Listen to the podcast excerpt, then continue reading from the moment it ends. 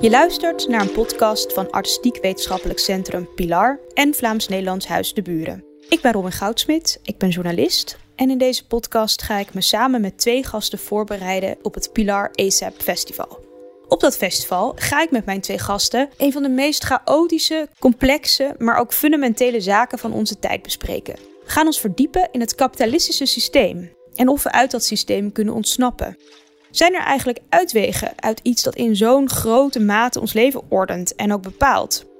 Ik ga die vragen in deze podcast alvast voorbespreken met mijn gasten van het festival. De eerste is schrijver Marian Donner. Zij schreef onder andere het prachtige zelfverwoestingsboek over de zelfhulpindustrie, maar ook het essay De Grote Weigering. Over hoe het toch kan dat we als mens blijven meedoen aan een systeem waarvan we zeker weten dat het onszelf en de aarde uitput. Kunnen we daar ook mee stoppen? Mijn tweede gast is filosoof, activist en docent Bleri Leshy. Hij houdt zich bezig met een veelheid aan thema's zoals identiteit, sociale ongelijkheid en een neoliberalisme. Hij maakt documentaires en schreef onder andere het boek De Kracht van Hoop, waarin hij beschrijft hoe mensen in allerlei situaties toch verzet bieden tegen onrecht. Met Marianne en Bleri ga ik praten over hoe we kunnen ontsnappen uit een kapitalistisch systeem en hoe die ontsnappingspogingen eruit zouden kunnen zien. Welkom allebei, fijn dat jullie er zijn. Vandaag gaan we het vooral hebben over jullie werk, jullie denken over dit onderwerp en hoe jullie denken eh, hierover is gevormd. Misschien kunnen we eerst even beginnen met een kleine voorstelronde. Uh, Marian, zou je iets meer over jezelf kunnen vertellen? We hebben het al gehad over dat je vooral essayiste bent, maar ook een achtergrond hebt in de filosofie en psychologie. En je hebt een geweldig boek geschreven, dat heet het Zelfverwoestingsboek. Misschien kun je daar iets meer over vertellen, want ik vind het heel interessant hoe die zelfverwoesting gelieerd is aan het kapitalisme. Hoe zit dat? Uh, het zelfverwoestingsboek, die titel is eigenlijk een reactie op de zelfhulp industrie en zelfhulpboeken, waarin je altijd gemaand wordt om de beste versie van jezelf te worden. En in mijn optiek is dat vooral een best aangepaste versie. Dus dat is ook altijd heel grappig dat, dat die beste versie is altijd voor iedereen hetzelfde eigenlijk. Er zit weinig individueel verschil tussen. Dus het is hardwerkend, um, lachend, positief, sportend, gezond van lijf en leden. En dat is toch uh, ja, een versie die ook zo lang mogelijk door kan werken. Um, zonder te klagen. Dus dat was eigenlijk de insteek en de ondertitel. En ik heb dat omgedraaid. Dus de ondertitel van het boek is waarom we meer moeten stinken, drinken, bloeden, branden, dansen. Dat zijn allemaal verschillende onderwerpen. Maar dat is niet per se dat je jezelf ten gronde moet richten. Maar het was een oproep om in ieder geval tegen dat dominante discours in te gaan. En zo een systeem ook te ondermijnen door je niet aan de regels daarvan te houden.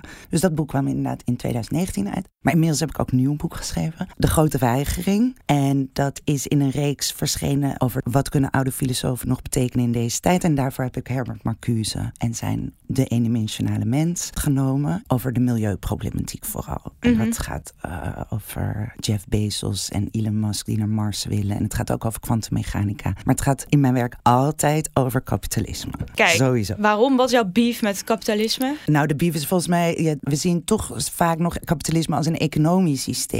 Terwijl het is veel meer dan dat. Het is ook een ideologie en het is vooral een betekenisgever en een waarde toebrengen. Dus het, het vertelt ons wat van waarde is en wat niet van waarde is. En welk product, ook de mens zelf, dan is weer die zelfhulp, wa- wat dan waardevolle eigenschappen zijn, namelijk productiviteit en netjes je to-do-lijst afwerken. En wat niet waardevolle eigenschappen zijn, luiheid, drinken, dansen, nou, dat soort dingen. En dus dat is een ideologie en die kom, zie je overal in terug. Die zit in films en in literatuur en in teksten en in reclames natuurlijk vooral ook en in politiek. En ik vind het belangrijk om die te ontleden, om te laten zien zo van dit is de waarde die wordt toegekend en dit is wat ons eigenlijk opgedrongen wordt, misschien zonder dat je het heel goed doorhebt. Mhm. Dat is mijn missie.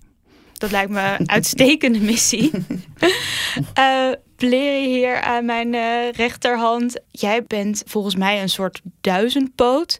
Je bent naast filosoof en docent filosofie ook DJ, zag ik. En je doet allerhande dingen rondom sociale ongelijkheid, emancipatie. Maar je schrijft ook hele tot nadenken stemmende teksten over juist hele positieve thema's, zoals liefde, hoop, Waarom voel jij die noodzaak om dat hele positieve op te zoeken? Juist in thematiek die vaak gaat over problemen, over dingen die moeilijk zijn, over dilemma's. Wat zit er in jou waarom je de, waardoor je dat moet doen? Ja, een van de boeken die ik heb geschreven in 2014 heet De neoliberale strafstaat. En dan in 2016 schreef ik Liefde in tijden van angst. 2018 De Kracht van Hoop. Maar de lijn in deze drie boeken, maar in alle boeken, want ik heb ook andere boeken geschreven, is hetzelfde. Bij mij gaat het om ongelijkheid en de gevolgen van die ongelijkheid. En ik probeer in al mijn werken na te gaan, wat is er nu al gaande, bezig uh, rond uh, alternatieven? Hoe proberen mensen in Brussel, uh, in België, in Europa en ergens anders in de wereld te verzetten tegen het systeem? En hoe proberen zij op hun manier kleine steentjes bij te dragen naar mogelijke alternatieven? En omdat alternatieven zo weinig aan bod komen, omdat er zoveel, niet enkel pessimisme, maar ook cynisme, en cynisme niet in het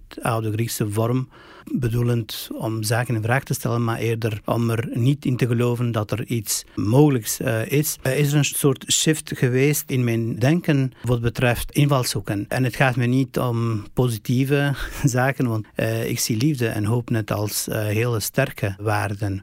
En ik vond het belangrijk dan om daar wat rond te werken en te verbinden bijvoorbeeld met het thema. Want ook liefde kan je perfect verbinden met het kapitalisme. De hele datingindustrie bijvoorbeeld, een van de meest groeiende industrieën ter wereld. De hele zelfverwezenlijking die zelfverwezenlijking, dat is eigenlijk in de geschiedenis van het kapitalisme een van de, de motoren geweest. Een ander punt is, een van mijn inspiratiebronnen is Martin Luther King. En hij zei ooit ergens dat het heel belangrijk is, wil je de mensen raken, dat je eerst hun hart raakt.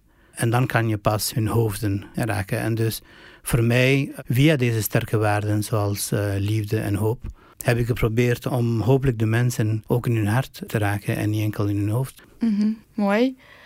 Dan misschien, ja, uh, dat klinkt een beetje pessimistisch, maar een vraag voor jullie beiden. Hoe zien jullie die hoop? Want we gaan het hebben over alternatieven voor een vrij hopeloos systeem. Maar een van de dingen waar volgens mij veel mensen mee worstelen is de vraag: kunnen we wel ruimte maken om dat systeem te veranderen? En waar moet die ruimte dan zitten? Moet die ruimte aan de binnenkant zitten? Dus kun je zelf iets organiseren? Kun je anders gaan leven? Kun je met andere mensen samenspannen tegen het systeem? Of moet er iets van buiten komen waardoor dat systeem dan kan worden veranderd? Is er een systeemomslag nodig? Waar centreren die alternatieven voor het kapitalisme zich? In wat voor ruimte moet ik denken? Een mooie vraag. Ik moest net ook al denken aan, het is zo'n bekende zin waarvan niemand meer weet wie precies het heeft gezegd. Dus dan wordt het meestal Zizek, wordt het aan toegekend.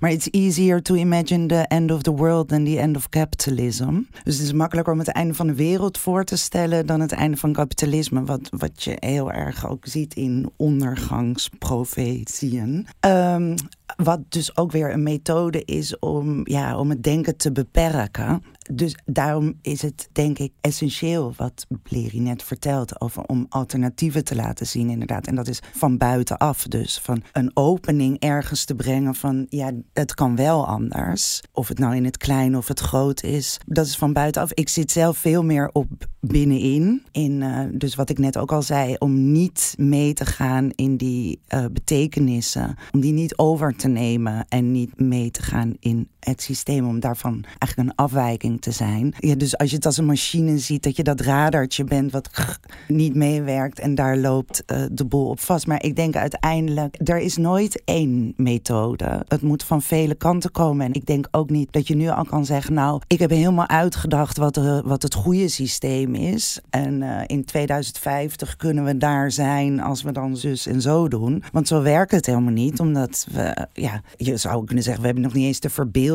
voor wat er allemaal mogelijk zou zijn. Dus dat gaat in stapjes. Want je had het over een radartje. Hoe moet ik dat dan zien als je dat zelf wil zijn? Als je dat schroefje wil zijn dat niet meedoet in de machine. Wat is dat voor actie? Ja, nou, dat kan in je hoofd zitten. Dus ja, waarom zit ik eigenlijk met die to-do-lijstjes? Wil ik zelf zo graag die baan hebben om daarna een andere baan die beter betaalt, om daarna nog een andere baan die nog beter betaalt, om uiteindelijk niet meer te hoeven werken? Wat is dit eigenlijk voor um, lijn die ik volg? Maar ik kan ook letterlijk, ik ben zelf heel enthousiast, beschrijf ik ook in mijn laatste boek, uh, zijn wereldwijd bewegingen, want dit is natuurlijk allemaal speelt wereldwijd. En dat noem ik als voorbeeld, daar las ik over, over in China een beweging die heet vissen aanraken. Ik weet niet waarom hij zo heet. Dat is een soort oude Chinese wijsheid, maar het komt erop neer dat je zo min mogelijk doet op je werk. En iemand in Shanghai is begonnen, Massage Bear op Twitter. En er zijn nu miljoenen volgers. En ze geven elkaar tips om zo min mogelijk dus te doen op werk. Dus dan, eh, weet je, drink twee liter water per dag, doe het in hele kleine bekertjes. Ga de hele tijd naar de wc. Dat zijn allemaal hele kleine dingen, maar het is een vorm van verzet waarin je dus gewoon niet meer dat spel meespeelt. En het is bedacht door mensen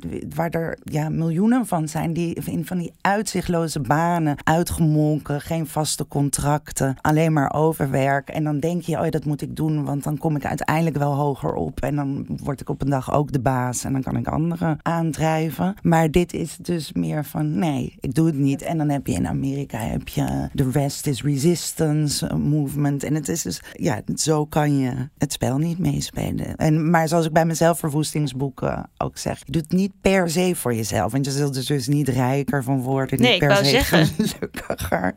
Om nee. weinig te doen op je werk met het risico om ontslagen te worden, dat lijkt me toch ook wel een precair soort missie. Het is absoluut niet aan iedereen voorbehouden. Dus het is ook een hele, het is een beetje een elitair standpunt natuurlijk. Want ja, zeg dat maar tegen een bijstandsmoeder met twee banen. Ja, doe gewoon wat minder. Dus eh, voor heel veel mensen kan dat helemaal niet. Maar het zijn toch, het zijn manieren om te bedenken van binnenuit van wat zijn die waarden die toegekend worden en hoe kan ik die ondermijnen. Mm -hmm. Maar dat is dus één van de methoden. En Pleri neemt een heel andere ja. invalshoek, die ja, net zo belangrijk is. Want jij focust ook heel erg op uh, lokaliteit, op uh, mensen die zich binnen bepaalde steden, voornamelijk Brussel dan, organiseren. Hoe zie jij dat, dat probleem van schaal dat het kapitalisme met zich meebrengt? Dat ja. het een groot mondiaal systeem is, maar dat we als mensen ons alleen maar bewegen binnen de vierkante centimetertjes van ons leven.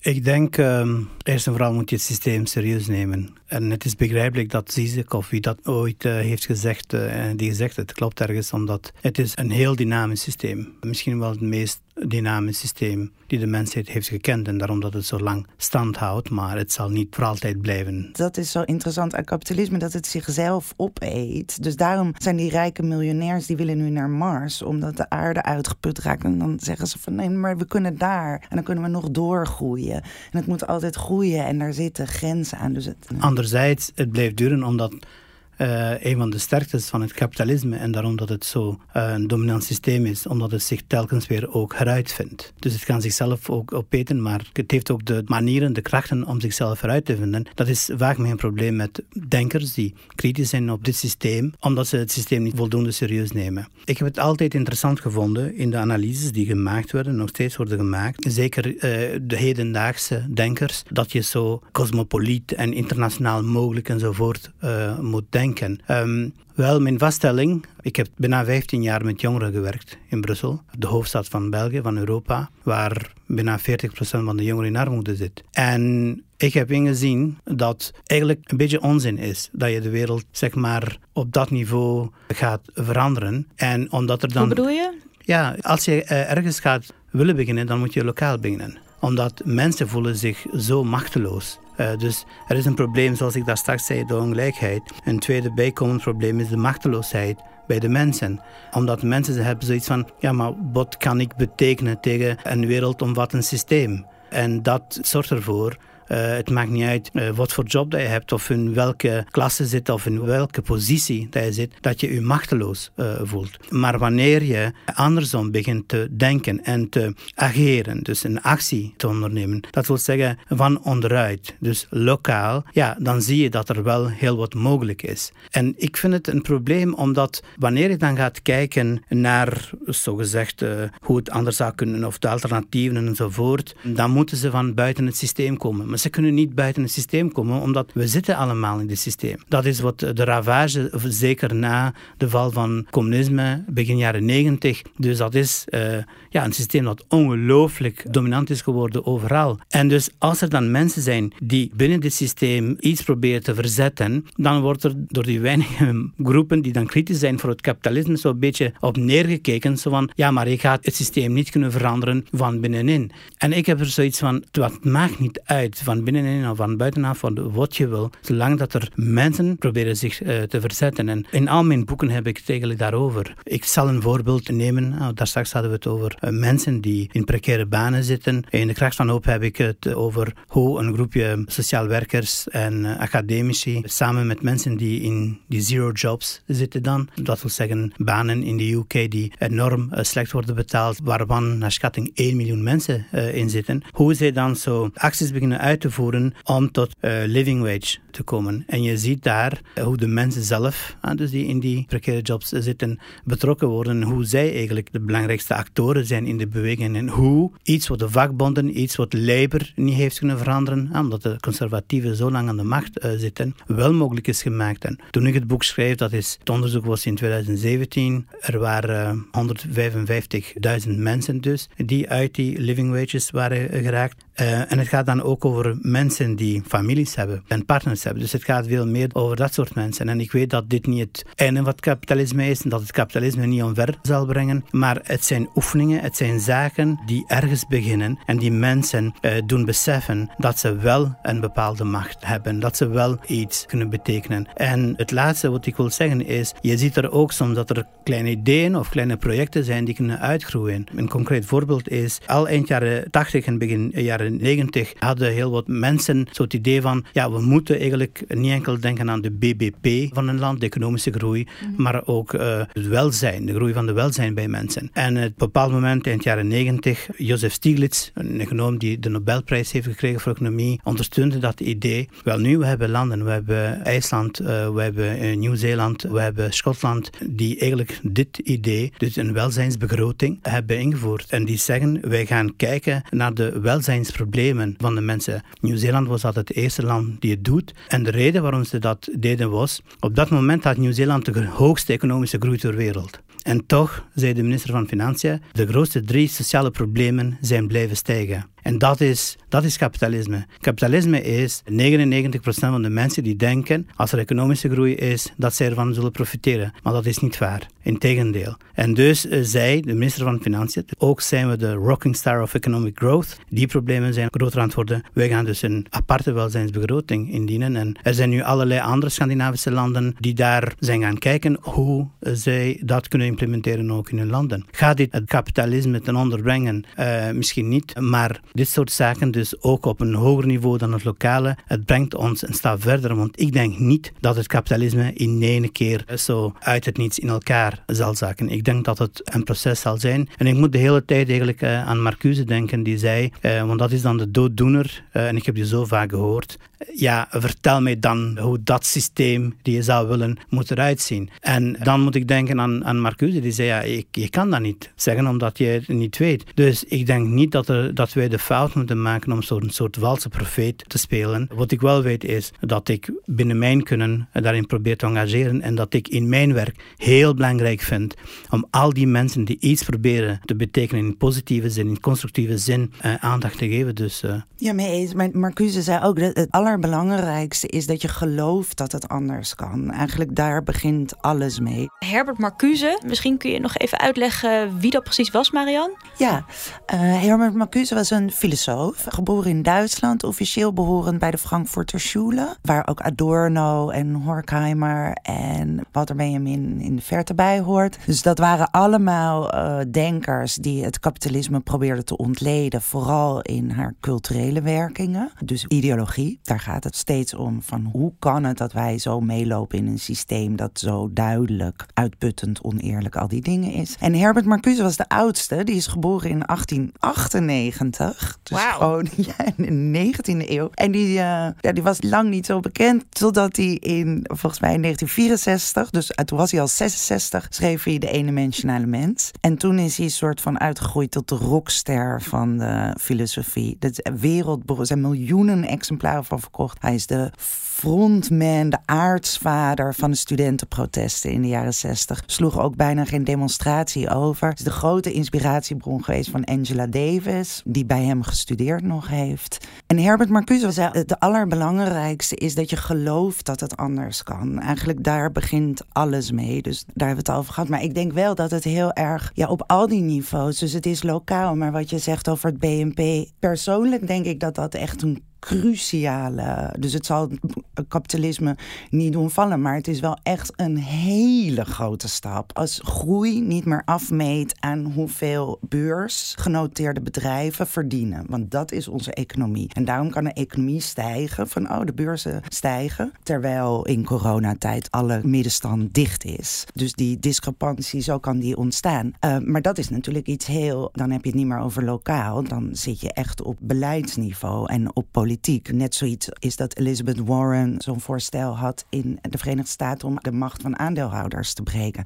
Zou cruciale stap zijn. Dat verandert echt veel in economie. Maar dat speelt dus allemaal weer door in het denken van hoe definiëren we eigenlijk groei? Wat is de betekenis? Blijven op die betekenis hameren, maar omdat kapitalisme dus een betekenisgever is. Wat is belangrijk? Wie zijn belangrijk? Welke mensen zijn belangrijk? Asielzoekers zijn niet belangrijk. Expats zijn wel belangrijk. Dus zo wordt een samenleving ook gevormd. En ik ben het heel erg eens met op lokaal niveau. Beginnen. Dat ene moet het andere uh, niet uitsluiten. En je kan natuurlijk ook hogerop uh, beginnen, des te beter. Voor mensen die als de geesten rijp uh, zijn of als ze de connecties hebben of ik weet niet wat. Maar ik denk dat het ongelooflijk belangrijk is om de mensen ook te zeggen, je kan iets betekenen uh, wanneer je lokaal... Maar er zijn duizend beginpunten, denk ik. Weet je? Want het moment dat je zegt, hier ligt een beginpunt, ja, dan kan je nog allerlei wegen op. Maar ik denk, het zijn allemaal punten die allemaal heel belangrijk zijn. En lokaal is heel belangrijk. Maar dat neemt niet weg dat we in een wereld leven waarin we echt allemaal met elkaar in verbinding staan. En waarin als je een, mobiele telefoon hebt, daar in Congo uh, kindslaven de mijnen in worden gestuurd. En dat het gewoon niet mogelijk is om een product te vinden waar dus niet iets van slavernij in zit. En zelfs als je in je eentje op een hutje op de hei gaat wonen. En, want dat denken mensen dan vaak zo van, nou, als je het allemaal zo uh, niet bevalt, nou dan ga je toch jezelf je groenten verbouwen. Maar dan nog, die zaden die je koopt, de kleren die je aan hebt. Dat hele systeem is zo verweven en dat is heel mismoedigmakend. In Nederland heb je zo dat bedrijf Fairphone, wat probeert dan om wel een eerlijke telefoon te maken. Je hebt een beweging, de Right eh, to Repair, die wil gewoon dat de wet opneemt dat producten gemaakt kunnen worden. Dat ze niet wat we nu hebben, producten gewoon gemaakt worden om te breken, zodat je maar weer nieuw blijft kopen. Er zijn ook lokale bewegingen. Maar dat alles doet ertoe. En dat zijn allemaal zaadjes, zeg maar, die kunnen ontspringen. En ik moet nog één ding, omdat moest ik aan denken toen je het over vakbonden had. Dat las ik laatst over dat, nou we kunnen zeggen dat is terug, dat idee uh, van de vakbond doet ertoe. En las ik over een bedrijf in Amerika, maar dat was een Noors bedrijf met Amerikaanse dependantie. En in Amerika wilde ze een vakbond. En toen hebben de Noorse vakbondsleden hebben geholpen om daar dat voor elkaar te krijgen. Maar dan zie je dus ook een solidariteit uh, over de grenzen heen ontstaan, die ook heel belangrijk is en het mede voelen met je soortgenoot. Ook al zit hij aan de andere kant van de wereld in maar hij zit toch in vrij gelijke omstandigheden. Ja, ik denk dat een van de belangrijkste elementen daarin is hoeveel kan ik betekenen als individu en hoeveel zit er bij de structuur. Want uh, je ziet het in, in al die crisissen die uh, op ons afkomen, die inherent zijn aan het kapitalisme. Uh, dat heeft Marx ooit heel goed ingezien. en dat willen zij die dit systeem staande willen houden, maar niet toegeven, ondanks het feit dat we van de ene crisis naar de andere gaan. Je ziet hoe de mensen wordt, bijvoorbeeld in België is de energiecrisis heel voelbaar. En je ziet dus dat er nu van alles aan de gang wordt gezet en aan de mensen wordt gezegd, ja, je moet je individuele verantwoordelijkheid nemen en dit en dat. Denk ik dat dat is altijd belangrijk en nodig, zodat mensen uh, zelf ook uh, niet paternalistisch worden behandeld, maar uh, beseffen dat ze iets kunnen betekenen. Maar op niveau van structuur natuurlijk, daar gaat het niet over. En dus het is zo moeilijk uh, zelfs dan in die kritische uh, kringen, om de mensen te laten zien dat de structuur ook toedoet. Ik denk dat op internationaal niveau, wat heel belangrijk is, de herverdeling van rijkdom. Dus dat is eigenlijk iets wat er wat kan aangepakt worden. Want we zien bijvoorbeeld meer dan 50% van de grootste multinationals ter wereld komen uit de G7-landen. En vroeger wisten we niet hoe wij dat moesten doen. Maar de laatste jaren is er ongelooflijk veel werk verzet uh, in het inzien van hoe ongelijkheid werkt en waarom. Vroeger wisten we niet hoe de belastingsparadijzen werkten en nu zijn er economen zoals Thomas Piketty en vele anderen die perfect hebben laten zien hoe dat systeem werkt. En andere economen die u per land kunnen zeggen wie de rijkste 1% is en hoe ze rijk worden en wat, al die zaken. Maar nu we hebben ook uh, economen sinds uh, twee, drie jaar die ons laten zien eigenlijk hoe kan je dat aanpakken. En nu hoop ik dat er zo uh, ja, een soort beweging komt, lokaal, nationaal, internationaal, die de politiek onder druk zet eigenlijk om de macht terug in handen uh, te nemen van die industriële en financiële wereld en die rijkdom uh, te herverdelen. Eén naam voor de luisteraars, Gabriel Zuckman, is een Franse econoom die ongelooflijk werk heeft geschreven en die laat zien eigenlijk dat het echt heel makkelijk, wanneer de politieke wil is, om die rijke mensen, die multinationals, eerlijk te taxeren en een einde te maken aan die belastingontwijking en ontduiking. Ja, ik ben hier extremer in. Want ik denk, je kan de herverdeling beter maken en de belasting verhogen. En dan kom je meer in een Keynesiaans model. Maar het is nog steeds kapitalisme. Wat ik in jouw werk terugzie, Marian, is dat het voor Marcuse ook heel erg een soort psychoanalytische strijd is. Dus het kapitalisme wortelt zich helemaal in de geest van mensen. Dus als die rijkdom wordt herverdeeld, dan ben je er nog ja, niet. Hij analyseert ook steeds dat de belofte van het kapitalisme is eigenlijk zoveel mogelijk gemak of welvaart. Hij erkent gewoon van dat heeft mensen rijker gemaakt en het heeft ons leven makkelijker gemiddeld allemaal gemaakt. En de belofte is dat steeds meer mensen daarbij mogen. Maar dat breekt niet de klassen die er inherent zitten. Je kan iemand die met geld speculeert en dus niets toevoegt, kan je wel meer belasting laten betalen, zodat iemand die alles toevoegt en in de zorg uh, werkt of, of in het onderwijs, zodat die een wat beter leven heeft. Maar er zit nog steeds een ongelijkheid in die weer zich uit kan spelen naar een grotere ongelijkheid. En er zit nog steeds die basis van we definiëren groei als productie van goederen. Want Marcuse had zijn eigen term voor kapitalisme. Die noemde dat technologisch productieproces. En wat hij daarmee bedoelde is het enige doel is zoveel mogelijk goederen te produceren, zodat bedrijven kunnen groeien. En daarom moet er geconsumeerd worden. Maar ik vind uh, dus bijvoorbeeld dan uh, van ja, de belastingen moeten omhoog. Dat hoor ik Rutger Bregman in Nederland ook zeggen. Dat is nou niet echt een anticapitalist. Dat zou het wat eerlijker maken, inderdaad. Maar daarmee heb je niet een ander systeem. En ik ben echt meer van dus uh, down with the system. Ja, uh, de vraag is, zoals ik daar straks zei, als het systeem goes down, how will it go down?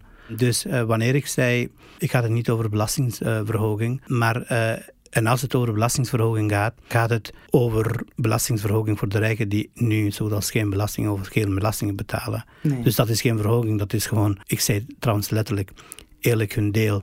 En Zoekman heeft dat berekend en hij komt op 60%. Wanneer de rijken 60% betalen, dan helpt dat naar herverdeling. Maar het gaat mij niet enkel om de herverdeling. Want ik zei ook dat de, uh, dus de politiek eigenlijk de macht die ze de afgelopen 40 jaar, 45 jaar, zo als volledig is verloren aan die industriële en financiële elite, terug in uh, handen neemt. En voor mij een belangrijke stap richting iets anders is wanneer dus het politiek die macht terug in handen neemt van die uh, financiële en industriële wereld. En de tweede stap daarin is dat niet enkel het politiek moet doen, maar uh, wanneer er zoveel mogelijke linken zijn ook met burgers en uh, dat er een echte check is, niet enkel bij de verkiezingen, maar ook op andere momenten van wat politiek doet, zodat wat voor mij primeert is een systeem die focust op de noden en behoeften van de mensen.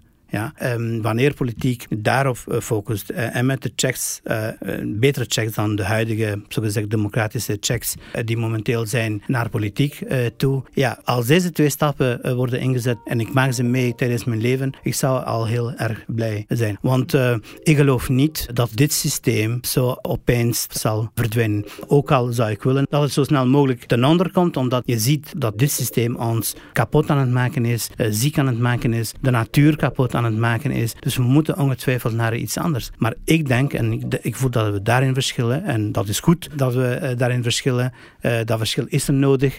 Um, ja, ik denk dat het echt met faseringen. Nee, maar daar ben ik helemaal mee eens. Het is als een soort enorme olietanker die dus nu maar zo doorvaart. En ja, met elk klein stapje gaat hij een beetje opzij en dan weer een beetje terug of zo. En dan opeens ontvouwt zich een nieuwe horizon, waardoor we weer andere ideeën krijgen. Want ik denk dus zelf heel erg dat we niet alles nu al kunnen hebben bedacht van wat we precies willen. Dus ik ben het daarmee eens. En ik ben het ook eens met dat kapitalisme is een systeem wat gewoon alles uitput. En ik zou daar dus aan willen toevoegen wat je net zei. Over dat je een systeem wil goed voor de mens, maar eh, ook graag voor de dieren en, uh, en de aarde zelf. En dat is onmogelijk als alles draait om groei en meer. Uh, en dat dat allemaal efficiënter moet. En daarom noemde Marcuse het een technologisch productieproces, omdat technologie wordt ingezet om die productie alsmaar efficiënter en beter te laten verlopen. Waardoor we dus onze spullen ook steeds makkelijker en sneller sneller krijgen ze de bezorgdiensten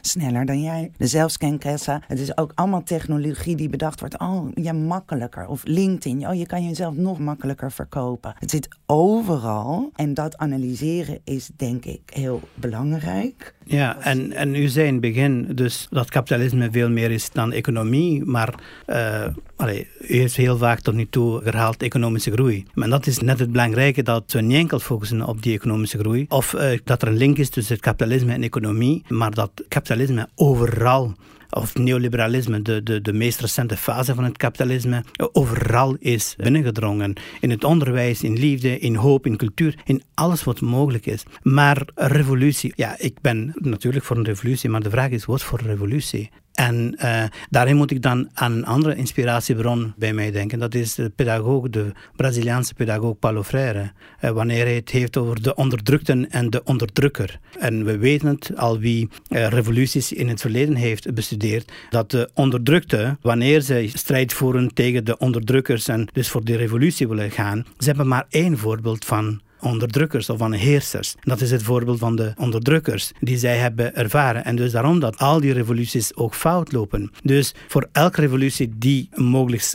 kan komen, hoop ik dat zij of iemand van hen het boek van Paulo Freire heeft gelezen, Pedagogie van de onderdrukte, omdat die heel duidelijk laat zien eigenlijk hoe groot het gevaar is. Dat wanneer je in opstand tegen iets komt, dat je uiteindelijk, eh, omdat je zo bepaald bent eh, door dat voorbeeld, vroeg of laat op dezelfde manier gaat handelen. Dus dat is ook iets, denk ik, dat het heel belangrijk is om mee te nemen in die revolutie. Maar ik denk dat we beide voor die revolutie eh, hier uh, zijn hoor. Uh, als we zeggen dat we echt wel met dit systeem moeten breken, omdat er iets anders komt. En niet omdat het cool klinkt voor een kleine groep in de samenleving, want voor de grote groep in de samenleving, het moment dat je kapitalisme zegt, die nemen jou niet meer serieus. Maar wel veel dus, serieuzer dan tien jaar geleden.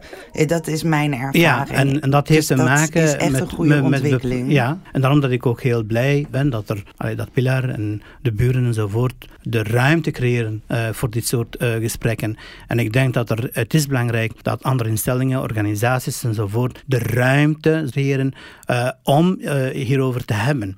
Waarom? Ik ben geboren in, in Albanië, in een communistisch land, in een dictatuur. En dus eh, ik heb uh, lang gedroomd uh, als kind dat het laat alsjeblieft zo snel mogelijk dit systeem ten onder komen, zodat wij deel konden maken van het kapitalistische Westen. En dan, is dan was dat moment gekomen in 91. Ik was tien jaar oud en dan na een jaar was ik ongelooflijk ontgoocheld Waar lag dat aan, die ontgoocheling? Ja, omdat uh, wij vertelden aan elkaar dat alles zo mooi was in het Westen. Uh, ik weet nog, als kind hoorden we verhalen. Ja, in New York, als je zo 100 uh, dollar uit je zak op de grond komen, dan kan je naar een plek gaan en zeggen: Hé, hey, ik ben 100 dollar kwijt en je, ga, je gaat die terugkrijgen. Dat de straten van Parijs zo proper of zo schoon waren uh, dat je jezelf in kon zien. Als kind, we geloofden dat, hè, want we waren het meest geïsoleerde land in Europa. En dan na een jaar zie je al die conflicten in de wereld, zie je al die miserie die het kapitalisme in Albanië bijvoorbeeld, in mijn land van uh, herkomst, heeft binnengebracht. En zie je bijvoorbeeld, ik kom van de bergen en voor ons het belangrijkste was het gemeenschappelijke. Hè, dus dat wij niet vanuit ik denken, maar vanuit wij. En eigenlijk, als ik in Albanese uh, spreek, dan de kans dat ik het woord ik gebruik is bijna onbestaande. Dus ik kan perfect uh, urenlang praten zonder het woord ik te gebruiken. En als ik nu kijk, geen 30 jaar later, dat is ongelooflijk individualistisch geworden. Dus uh, iets zo fundamenteels is in zo'n korte tijd teniet gegaan. En dat is de ravage die dit systeem kan aanrichten. En het is belangrijk, denk ik, om wanneer we dan revoluties zeggen, om terug te keren bij mijn initiële opmerking, dat we al deze zaken in rekening nemen. En ook andere elementen. Want Bell Hooks bijvoorbeeld, een Amerikaanse, uh, een Afro-Amerikaanse feministe, die nam dan inspiratie bij Paulo Freire, maar die zei ja, feminisme, kleur, dat is onvoldoende aanwezig, terwijl kapitalisme eigenlijk ook volop die groepen eigenlijk viseert. En dan denk ik dat het heel belangrijk is om zoveel intersecties daarin te gaan zoeken om tot die allianties te komen, om ja, verzet mogelijk te maken en al dat verzet dat lokaal of nationaal of internationaal komt, op een of andere manier te voeden. Mm. Mag ik dan misschien nog één vraag stellen? Um, want we hadden het al over machteloosheid. Uh, we hadden het al over kapitalisme dat zich al maar uitbreidt en alles eigenlijk opeet. Um, een van de problemen met die manieren van verzet plegen is dat het kapitalisme zich daar ook weer op voedt. Dus denk bijvoorbeeld aan de vakbonden, uh, die zijn opgefroten door het Fordisme, maar ook de hippiebeweging, die eigenlijk al supersnel heel erg commercieel werd. Je kon van alles kopen om hippie te worden. Dat was dan weer eigenlijk niet de bedoeling. De um, strijd tegen racisme, die met, in, door Nike letterlijk met Colin Kaepernick, die ja. niet wilde knielen, of uh, juist wel. Uh, wordt gewoon in een reclame gezet. Verlies een baan, maar er worden wel schoenen mee verkocht. Ja, ja. ja exact. Um, is dat op te lossen? Want hoe, hoe kun je dan als verzetsbeweging, uh, als prediker van, uh, nou ja, misschien een, een, een zachte revolutie, dat tegengaan? Ja, dit is dus het allergrootste gevaar, inderdaad. De cooptatie of de inkapseling. En dat is ook een gevaar bijvoorbeeld op het lokale. Als bijvoorbeeld mensen zeggen, nou dan gaan we zelf uh, bijvoorbeeld broodfondsen opzetten. En dan gaan we zelf de moestuinen aanleggen of zo. Dat kan net zo goed als te veel mensen dat doen een reden zijn voor de overheid om zich verder terug te trekken. Zo van, nou kijk, dat werkt hartstikke goed als mensen zichzelf verzekeren. Dus wij uh, maken, we kleden de sociale voorzieningen nog wat verder uit. Is maar een voorbeeld. Maar dat zie je inderdaad dus overal. Dat is in de jaren zestig is dat het meest misschien wel gebeurd. Er heersen zeer revolutionaire sferen. En dus dat moet je analyseren. Ik, ja, ik noem de hele tijd Marcuse, maar net een boek over geschreven. Maar die zegt daarom dus ook de hele tijd... Het belangrijker dan denken in oplossingen... is het analyseren van de oorzaken. Je moet weten hoe het in elkaar zit. Hoe het systeem werkt. Omdat dit, wat jij ook net al noemde... is het gevaar wordt zo groot dat de oplossingen die je aandraagt, gewoon helemaal binnen dat discours zitten of opgegeten worden. Dus je moet heel goed die oorzaken van en hoe werkt het. Um, en dat is bij hem heel fijn om over te lezen, omdat het uiteindelijk altijd over menselijke vrijheid gaat. Ook van dieren, maar minder duidelijk. Maar uh, over de menselijke vrijheid. En wij denken dat we vrij zijn, maar dat zijn we dus niet echt. Dat is zijn betoog. En dus hij analyseert ook hoe, hoe, welke manieren we allemaal onvrij worden gehouden. En dan kan je nadenken hoe je je zou kunnen bevrijden. Maar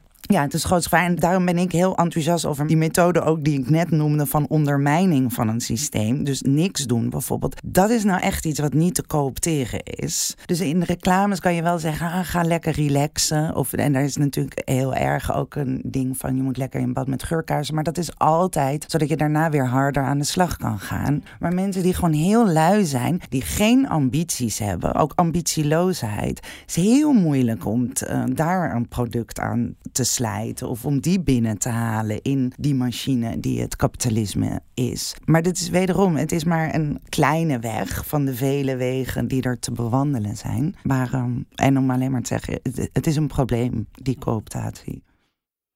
Ja, die inkapseling, dat zal een probleem blijven, omdat dat heeft te maken met het feit dat eh, kapitalisme, zoals ik daar straks zei, zich kan heruitvinden. En dat is een van de manieren hoe het systeem zich heruitvindt. Ik vind het een beetje onrespectvol naar die mensen die alle ruimte die er is aan het gebruiken zijn voor iets anders. En ik denk dat het de, de kritiek vaak terecht is en ik weet dat het eh, niet makkelijk is om die te weerstaan. Omdat, ja, we zijn deel van dit systeem en uiteindelijk moeten we daarin eh, proberen te functioneren. En dat wil zeggen met ons gezin of uh, al die zaken. Hè? Dus dat is het dagelijkse leven. Maar je hebt er ook op dat niveau bijvoorbeeld om er uit te halen, de vakbonden, maar ook binnen de antiracistische beweging hoor, heb je ook echt wel vele voorbeelden van mensen die echt wel niet laten inkapselen en die proberen uh, om die vrijheid te bewaren. Maar makkelijk is het niet. En ik denk dat dat ook de boodschap is die moet gegeven worden. Dat het een constante strijd zal zijn. En wanneer je dus daarin wordt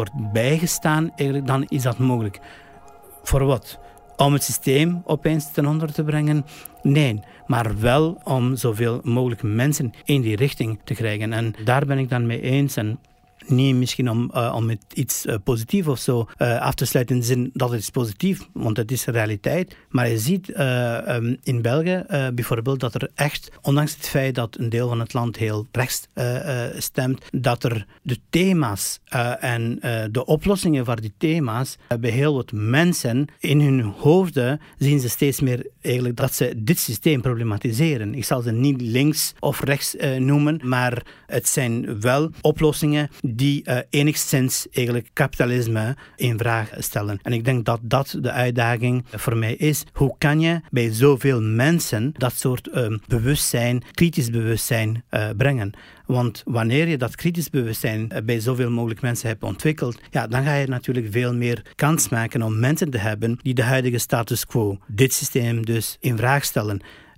En als docent, dat is dan dat kleine bijdrage die ik probeer te leveren door mijn studenten. Uh, ik ben niet geïnteresseerd in mijn studenten quoteren en al die zaken. Ik moet dat, jammer genoeg. Uh, waar ik wel geïnteresseerd ben, is hoe kan ik ervoor zorgen dat mijn studenten, als ze uh, afgestudeerd zijn, niet zozeer goede sociaal werkers of ik weet niet wat zijn, maar hoe kunnen ze ook de status quo, de realiteit waarin ze leven, in vraag stellen en daar op een of andere manier zich kunnen inzetten om iets te veranderen. Dat is denk ik de vraag waar dit gesprek om heeft gedraaid. Kun je eigenlijk wel verzetten tegen een systeem dat niet alleen onze economie beheerst, maar ook hoe we denken over onszelf, ons werk en wat welzijn is? Ik hoorde in dit gesprek in ieder geval tot op zekere hoogte een geloof in dat verzet. Volgens Marianne kan dat verzet eruit zien als een weigering, als een besluit om niet meer je best te doen om hard te werken, of dat nou op kantoor is of aan jezelf.